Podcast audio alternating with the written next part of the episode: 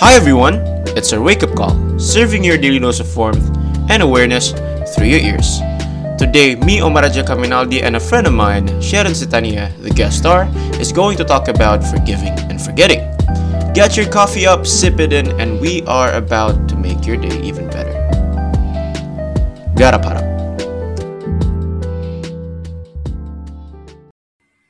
everyone, it's our wake up call, serving your daily dose of warmth and awareness through your ears. Get your coffee up, sip it in, because we are about to make it even better.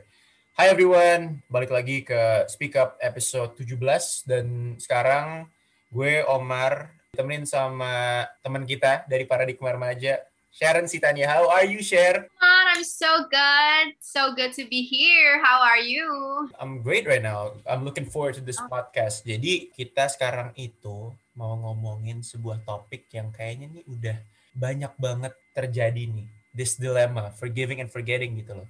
Karena menurut gue ini adalah sebuah hal yang sangat timbal balik bentuknya. Iya kan, Sher? Iya, setuju banget gue dengan hal-hal. Misalnya kayak, it's so, so normal sebenarnya sih topik kayak gini. Karena itu kayak sesuatu yang kita sering temuin di kehidupan sehari-hari gitu loh. Asli. Uh, by the way, guys, sebelum kita, apa namanya, masuk ke dalam topiknya, kayaknya I think it's best if kita nge-define dulu ya, forgiving sama forgetting itu apa. Basically, forgiving itu adalah action di mana kita bisa merasa keadaan emosi kita itu mereda terhadap sebuah hal yang terjadi uh, sama kita, bentuknya yang against sama kita. Sedangkan forgetting adalah kita sudah bisa in peace with it gitu loh. Kita bisa lupa dengan apa yang uh, pernah kejadian sama diri kita. Uh, kita udah nggak ke-trigger lagi dengan hal-hal seperti itu. Kenyataannya itu tuh dua hal yang uh, tadi gue mention itu tuh sangat dilematik karena orang mungkin banyak yang bisa forgive tapi nggak bisa forget. Kalau di kalau dari lo gimana share? Sama sih ya kalau ngomongin sebenarnya kalau ngomongin artinya menurut gue emang forgiving and forgetting itu dua hal yang berbeda gitu. I before this podcast is recorded, I read this article about forgiving and forgetting dan di situ ada salah satu paragraf yang mention sebuah arti dari forgiving and forgetting. Dan ini diambil dari Oxford Dictionary by the way. So, forgiving itu sebenarnya artinya adalah di mana kamu udah stop merasa marah gitu, simpelnya.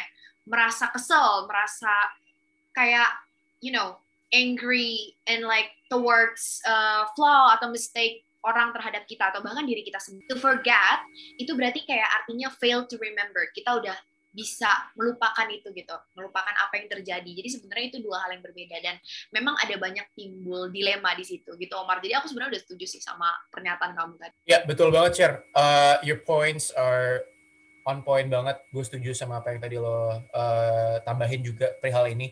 Kayak kalau misalkan di kehidupan sehari-hari gitu ya, kadang-kadang kan orang kayak misalkan ada sebuah uh, perkataan yang dalam sebuah lingkup pertemanan itu diucapkan. Let's say gue sama lo nih, kayak gue bilang A gitu. Turns out lo nggak begitu nyaman dengan perkataan uh, barusan yang tadi gue ucapkan ke lo. Di situ tuh kayak oke okay, gue minta maaf. Kayak gue bilang kalau kayak share I'm really sorry I didn't really mean to gitu loh. Kayak uh, I know what my mistakes are.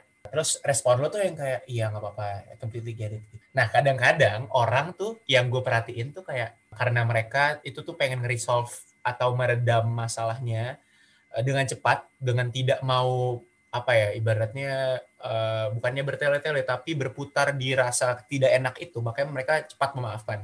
Tapi di saat yang sama di di di saat yang sama in advance they tend to feel like oh, there's a thing that hasn't been done gitu that that, that hasn't been settled gitu loh. Kayak ada yang janggal aja gitu loh dari dari interaksi antar manusia yang baru saja dilakukan. Makanya kayak kita di saat yang sama tuh belum bisa nge-implement forgetting dengan baik gitu. Itu sih yang uh, sering banget kejadian di uh, personal experience aku. I see. Iya benar-benar itu emang maksudnya ya pasti kalau misalkan kita ngomongin forgetting and forgiving kayak yang aku mention di awal juga itu pasti connect banget sama personal experience kita gitu sebagai manusia gitu karena emang pada dasarnya pasti kita pernah merasa marah, kita pernah merasa sedih, either itu sama orang orang lain atau bahkan sama diri kita sendiri gitu kan.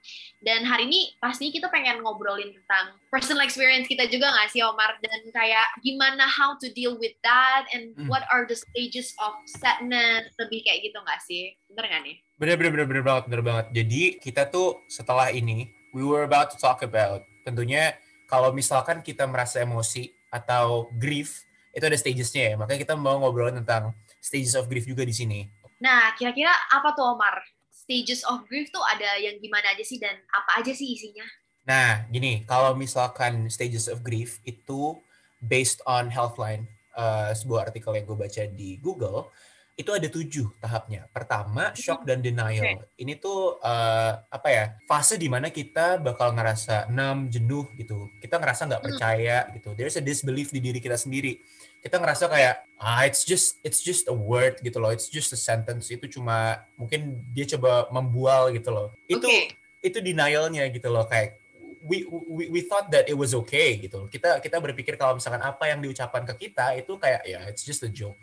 Dan apa ya itu yang yang yang yang kebanyakan dari kita rasain gitu. Mungkin kita seperti yang tadi gue bilang di awal gitu nge-simplify perasaan kita gitu. Padahal apa yang kita rasain painnya itu lebih kompleks dari itu dan banyak yang nggak realize uh, akan hal itu. Even gue juga gitu dulu. Terus kedua hmm. ada pain and guilt nih share itu fase di mana kita ngerasa kayak aduh sakit juga ya ternyata gitu loh. Ketika kita udah realize tuh kalau apa yang lawan bicara kita ucapkan itu tuh nggak enak gitu. Hmm. Atau mungkin di saat yang sama kita mengucapkan hal yang tidak enak itu ke orang gitu atau kita melakukan sebuah hal yang against sama okay. uh, eh, lawan lawan uh, bicara kita atau teman kita atau mungkin atau saudara kita gitu loh orang-orang yang ada uh, di di hidup kita sehari-hari setelah itu kita mungkin bakal ngerasa marah kita bakal ngebargain gitu loh. Kita bakal ngerasa kayak yeah.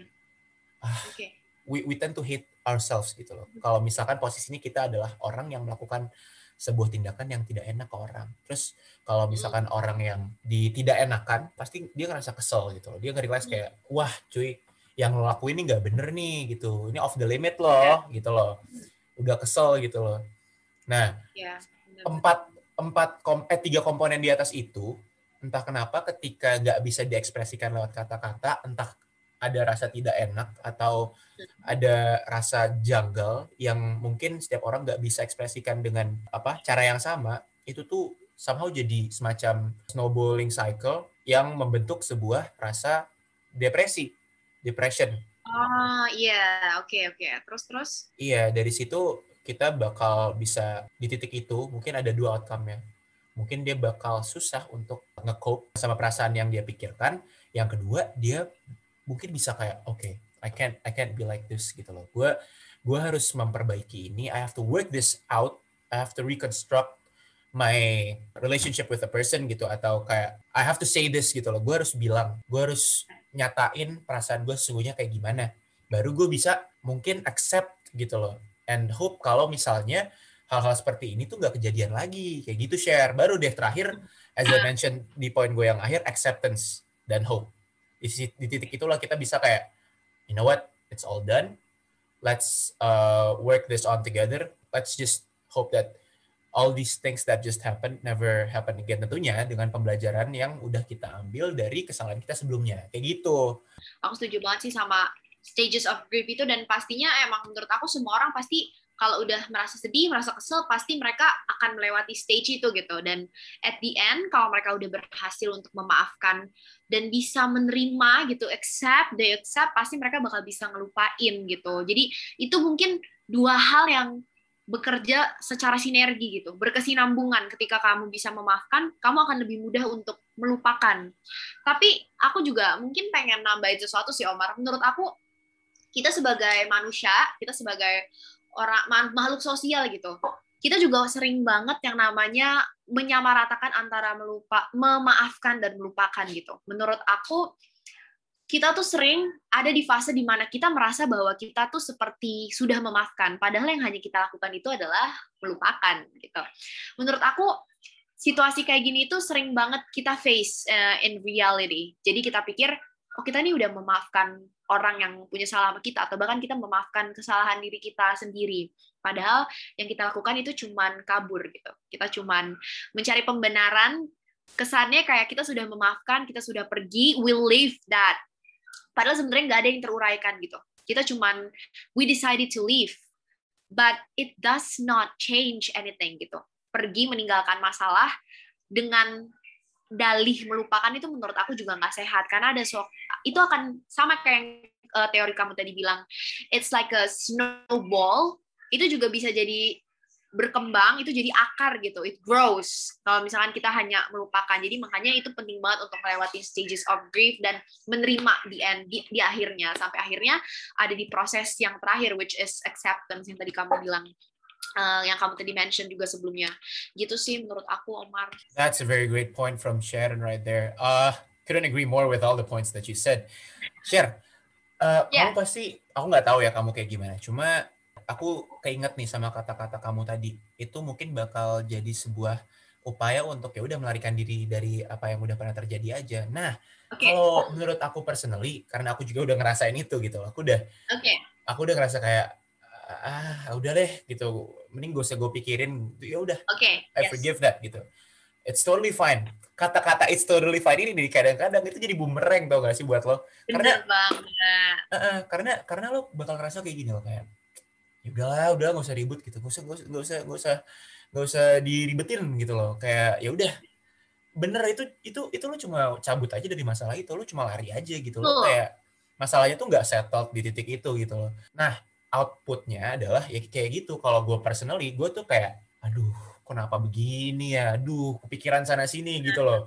Menghambat uh, gue mau melakukan uh, pekerjaan gue gitu loh. Menghambat menghambat macam-macam deh ibaratnya. Dan ya, di, di titik itu tuh entah kenapa uh, menimbulkan sebuah ketidaknyaman yang sangat luar biasa gitu loh. Ketika lo nggak bisa nge-express ketidaknyamanan lo karena tindakan lo sendiri gitu loh. Karena lo ngerasa kayak oh yaudahlah lo forget it gitu loh forget it aja gitu. Sedangkan forget it itu ya dua hal itu intinya kalau misalkan lo simplify, nggak lo pikirin mm-hmm. mateng-mateng, itu tuh takutnya jadi yes. bumerang ke diri lo sendiri dan itulah yeah. yang uh, mau kita obrolin sekarang. By the way, share tadi ada yang yeah. pengen gue tambahin nih di poin sebelum Apa ini tuh? tentang acceptance. Kalau gue nih ya, meskipun mm -hmm. gue udah nge-accept sebuah uh, permasalahan gitu atau tindakan yang kira-kira tidak enak untuk gue gue pasti bakal kayak I, I think I I think I I will set a boundary gitu loh kayak hey if you want to talk about this kayaknya sampai sini aja deh gue nggak mau gue belum gue yes. kayaknya kurang bisa untuk terima omongan-omongan seperti ini gitu loh kayak hmm. ya oke okay, you you accept the fact that it happened before but let's just make sure that in the near future these type of things won't happen again. Makanya lebih baik untuk set boundary kalau dari dari gue secara personal ya. Kalau lo gimana? Hmm. Ya gue setuju juga sih. Boundaries is quite important karena menurut aku setting boundaries is a part of the forgiveness process gitu. Nah, karena kayak it is the part of the forgiving itself dan itu menurut aku salah satu it's the healthy way gitu. Kita nggak bisa ngelupain boundaries yang pernah di cross gitu loh, ngerti gak sih? Kayak maksud aku tuh adalah itu jadi salah satu poin besar boundaries tuh gitu. Karena gini loh kalau misalkan uh, kita istilahnya gini kalau kita mau proses untuk healing gitu kita mau uh, simpelnya adalah ketika kita mau move on gitu kan dari permasalahan itu kita butuh yang namanya boundaries itu. Kayak nih ya bukan kasar ya sih kayak harshnya tuh kayak we need we need to replace this environments yang awalnya gak sehat buat kita ngerti gak sih removing the triggers, people, places, things from our surroundings gitu. Itu dibutuhin banget menurut gue untuk um, untuk bikin kita settle lagi untuk kembali. Jadi kayak I agree to you, boundaries juga punya takes part in our forgiving process kayak gitu sih Omar. Iya iya iya. Uh, itu yang harusnya kita belajar atau kita pelajari ya dari kesalahan kita sebelumnya baik. Exactly. Uh, kita yang melakukan atau kita yang menerima gitu loh. Karena nggak yep. bisa dipungkiri hal-hal yang terjadi berulang-ulang itu menyakitkan dan uh, end up toxic aja gitu loh. Apa pun itu ya, bentuk hubungannya, mau lo pacaran atau mau lo dalam nah. sebuah organisasi atau lo mau di lingkungan persahabatan lo, kalau misalkan ada satu uh, batasan atau ada satu perilaku yang kira-kira lo nggak enak, mending udah dikasih tahu aja gitu. Mending jujur gitu. Biar Iya, nanti lo betul. nggak sakit di akhir kalau dari gue kayak gitu. Tadi tuh aku cuma mau nambahin ini loh. Kalau misalkan kita ngomong boundaries, sebenarnya emang banyak banget kaitannya dengan boundaries gitu. Tadi kan kamu sempat mention kalau misalkan uh, kamu bilang uh, boundaries tuh ada di nggak di pacar orang pacaran doang, ada di organisasi atau ada di uh, lingkup pertemanan gitu kan. Dan emang betul gitu kan. Kadang kan suka ada organisasi atau dunia profesional kayak pekerjaan gitu yang me- mengatasnamakan kekeluargaan yang bikin nggak adanya boundaries di situ gitu. Jadi menurut aku ini emang agak keluar sih dari topik forgiveness gitu ya. Tapi kayak emang boundaries itu penting. Selain untuk proses healing forgiveness itu, itu juga penting untuk di-apply di kegiatan sehari-hari di hidup kita gitu menurut gue. Asli, asli, asli. Apa ya? Ngomongin personal experience nih, share atau di kehidupan kita sehari-hari. Gue pengen tahu Oke, dong oke. lo cara untuk bisa nge-implement dua komponen atau dua apa ya hal penting ini di kehidupan sehari-hari lo kayak gimana? Gue pengen cerita deh perihal forgiving and forgetting-nya. Dulu tuh ketika gue Oke. ada dalam sebuah lingkup pertemanan, eh biasalah gimana sih kalau misalkan lo nongkrong sama teman-teman dekat lo tuh kadang-kadang tuh kayak over the limit aja gitu kan ada aja perkataan-perkataan yang ceplas-ceplos gitu loh nggak bisa dipungkiri itu ada beberapa perkataan yang gue tahu itu niatnya bercanda. Cuma kayak gak asik deh kalau diomongin eh, lebih lanjut gitu. Karena ya balik lagi tiap orang punya batasannya punya batasan yang beda- berbeda-beda. Dan kita juga harus menghargai eh, batasan orang tersebut kan. Nah, gue nih lagi itu tuh oke, gue uh, butuh waktu yang cukup lama sebenarnya share untuk bisa forget gitu karena kayak Oke. wah kok omongannya nyelekit ya. Gue udah memaafkan uh, orang itu di awal gitu loh. Kayak ya udah bro nggak apa-apa gitu kayak santai aja gitu. Nah santai santai aja itu ternyata untuk diri saya sendiri tidak santai. saya gue gue jadi Oh, oke. Iya, betul betul. Iya, jadi gue yang nanggung beban gitu loh. Dan apa namanya hal seperti ini tuh adalah hal yang benar-benar pengen gue atasin lah gitu. Kayak gue nggak mau hal seperti ini kejadian lagi gitu. Karena nggak enak banget sih ketika lo nggak bisa berdamai dengan apa yang udah pernah terjadi.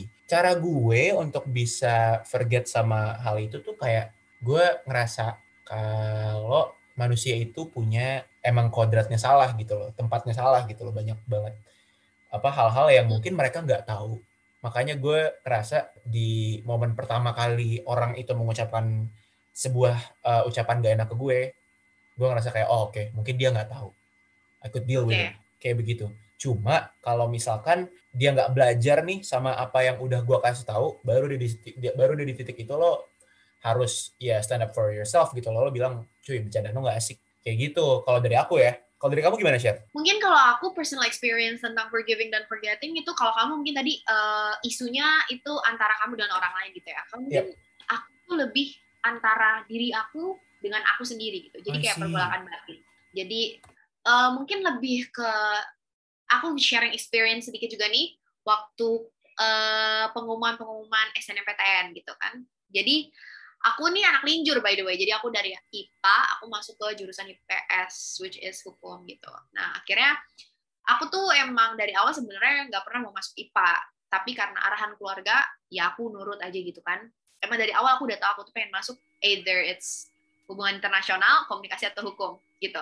Ah, sih ya. Aku akhirnya aku cari tahu nih research, ada nggak sih possibility aku SNMPTN itu ja- jalur undangan ya SNMPTN tuh bisa keterima.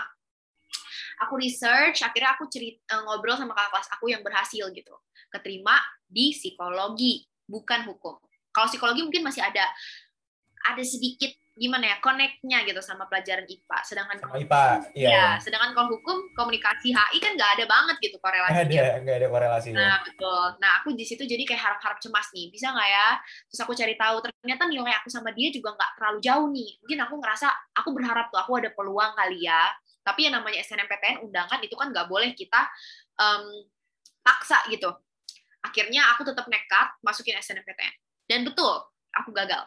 Aku nggak keterima Oke. dari situ dari situ aku agak aku agak sedih gitu agak kecewa kayak aduh Sharon kalau lo kenapa mas lo kenapa nekat sih jadi aku tuh nyalahin diri aku sendiri banget gitu terus kayak lo harusnya dulu waktu kelas 10 tuh ngotot masuk IPS kalau lo masuk IPS lo bisa aja keterima loh kayak aku tuh mikir kayak gitu terus kayak maksa hmm. di otak aku tuh kesel hmm. nah tapi aku dari situ aku ngerasa aku tuh kayak denial terus aku pokoknya ada di stages of grief itulah aku kayak anger tapi sama diri aku sendiri akhirnya kebetulan juga aku emang nge-apply jalur undangan yang satu lagi tapi dari UI-nya langsung. Jadi uh, aku nge-apply namanya PPKB UI. By the way guys, yep. kalau kalian nggak tahu itu adalah jalur undangan tapi dari UI-nya langsung gitu.